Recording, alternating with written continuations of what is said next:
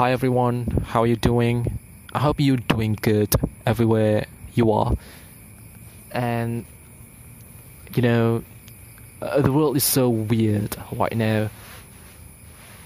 Everybody, uh, everywhere is being locked down. I don't know what it's. I don't know what it's like in your place, but in my place itself, it's it's almost the same. It's just there are some places, there are some areas where the street were blocked, so the access is being blocked, so it's really hard to get there. But uh, actually, you still can get there. It's just harder to get there because the main access were being blocked. Anyway, um, I hope you're doing good. And you know, I started this with talking about coronavirus, right? Well, uh, I haven't mentioned about coronavirus, but obviously, when we talk about lockdown, we indirectly talk about coronavirus. So, right now, I want to talk about that. Uh, do you know that a few days ago, a president of America, a president of United States, uh, made a claim that he used some kind of drug and he claimed that this drug can prevent you from infected from being infected by coronavirus. Or at least if you have been infected by coronavirus it will gain your uh, immune system so your body can fight back the virus all of the virus, including coronavirus. So you can get well, you can get healthy much earlier. And because of this claim, it trigger it uh, it made a lot of researchers being curious about what what, what actually happened. Is it true? Is this drug really that useful? Well, for your informa- uh, for your information, if you uh, didn't know about this news, well, the drug that Donald Trump mentioned on his claim is uh, chloroquine. We call it chloroquine, something like that.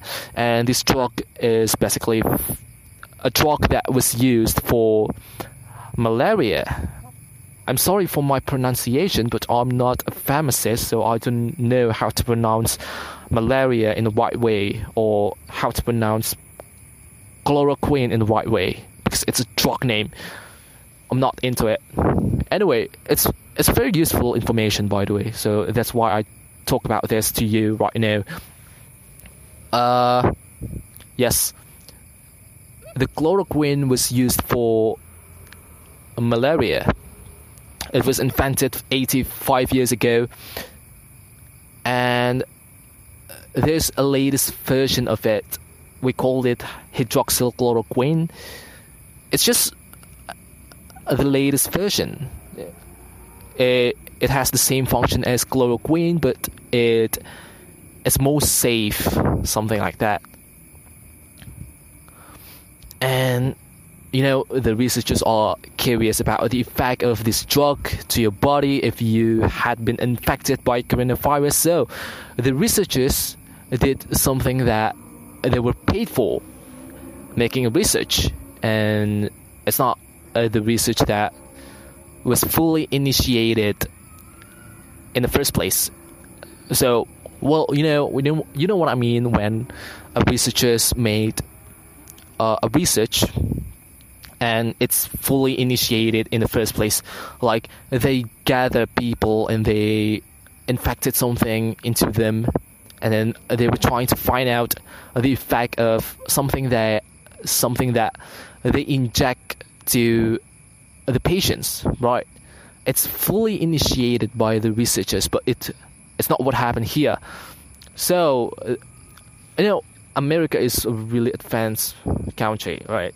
So uh, they they write down everything, including the patient. If you were infected by coronavirus, they were trying to track you down, trying to find out the people who are close to you because they they uh they they they they could make a claim that the people around you could be infected too because you are really close to them right they will track you down and the point is they they were really careful with this. So one of the things that they did is they write down everything. They write down uh, the prescription that was prescripted to you and uh, they they will write down the the drug that you consume, your activity, right? Everything was written down. So uh, the researchers are just gathering all of the data that they need, and they found 14,000 people who are injected by chloroquine, and then they found 80,000 people who are uh, who are not treated by any chloroquine. So we they have two different groups here. Right, the first group is they were treated by chloroquine, and the second one is they were not uh, treated by any form of chloroquine. Right, and they these two groups are two groups of patients that were infected by coronavirus. The first group itself, uh, it has four types of treatment.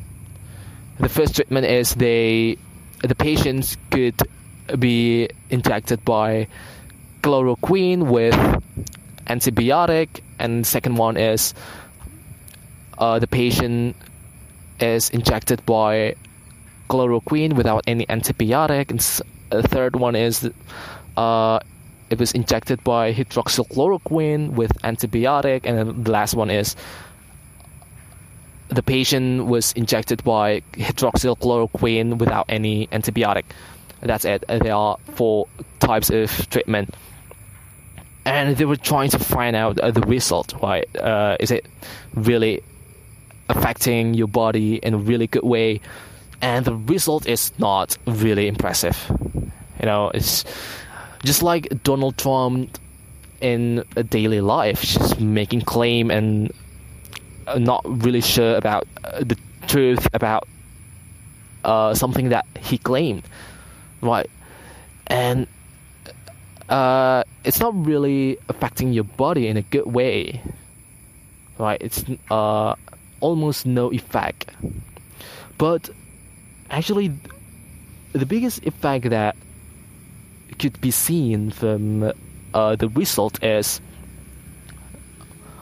someone, uh, a group of patient that was injected by hydroxychloroquine with antibiotic, they had more probability to have arrhythmia Am I right? Arrhythmia. That's a type of illness, so uh, I'm gonna check that out. Arrhythmia. I'm curious about that arrhythmia. So uh, that is basically a arrhythmia, a disease for. Oh no, I have a problem with my internet connection. Shit. So, let's settle this down. Let's agree that uh, it will infect you. Uh, it will gain the possibility of you having arrhythmia, which is a heart rate disorder. So your heart rate can be increased or decreased. It's just abnormal. If you are affected by coronavirus and you consume hydroxychloroquine with antibiotic, you have a more possibility of that. It's about 7%, if I'm not mistaken. And uh, if you in, in fact affected by coronavirus and you are treated without any chloroquine, the possibility is just 0.3%, which is really, really low. So I suggest you to not consume any chloroquine. That's it. Uh, anyway, um, just be careful, be be cautious with the things around you. Just be careful, okay? And I don't want people to be affected by coronavirus indirectly because I realized that actually, uh, in indirectly way, it could be worse. Like, do you know that in North America there are more people who committed suicide because of the coronavirus effect than the people who died because of the coronavirus. So uh, the effect socially and coronavirus is even worse. So just keep yourself tight, keep yourself safe, keep yourself strong, and yeah, we can get through this. You know, 2020 is such a really dark year, right? Uh, yeah, that's it. That's everything that I can talk right now. I hope you enjoy that. I hope you can gain more information, and I hope it can be useful for your life. Anyway, um, thank you for listening. Uh, goodbye.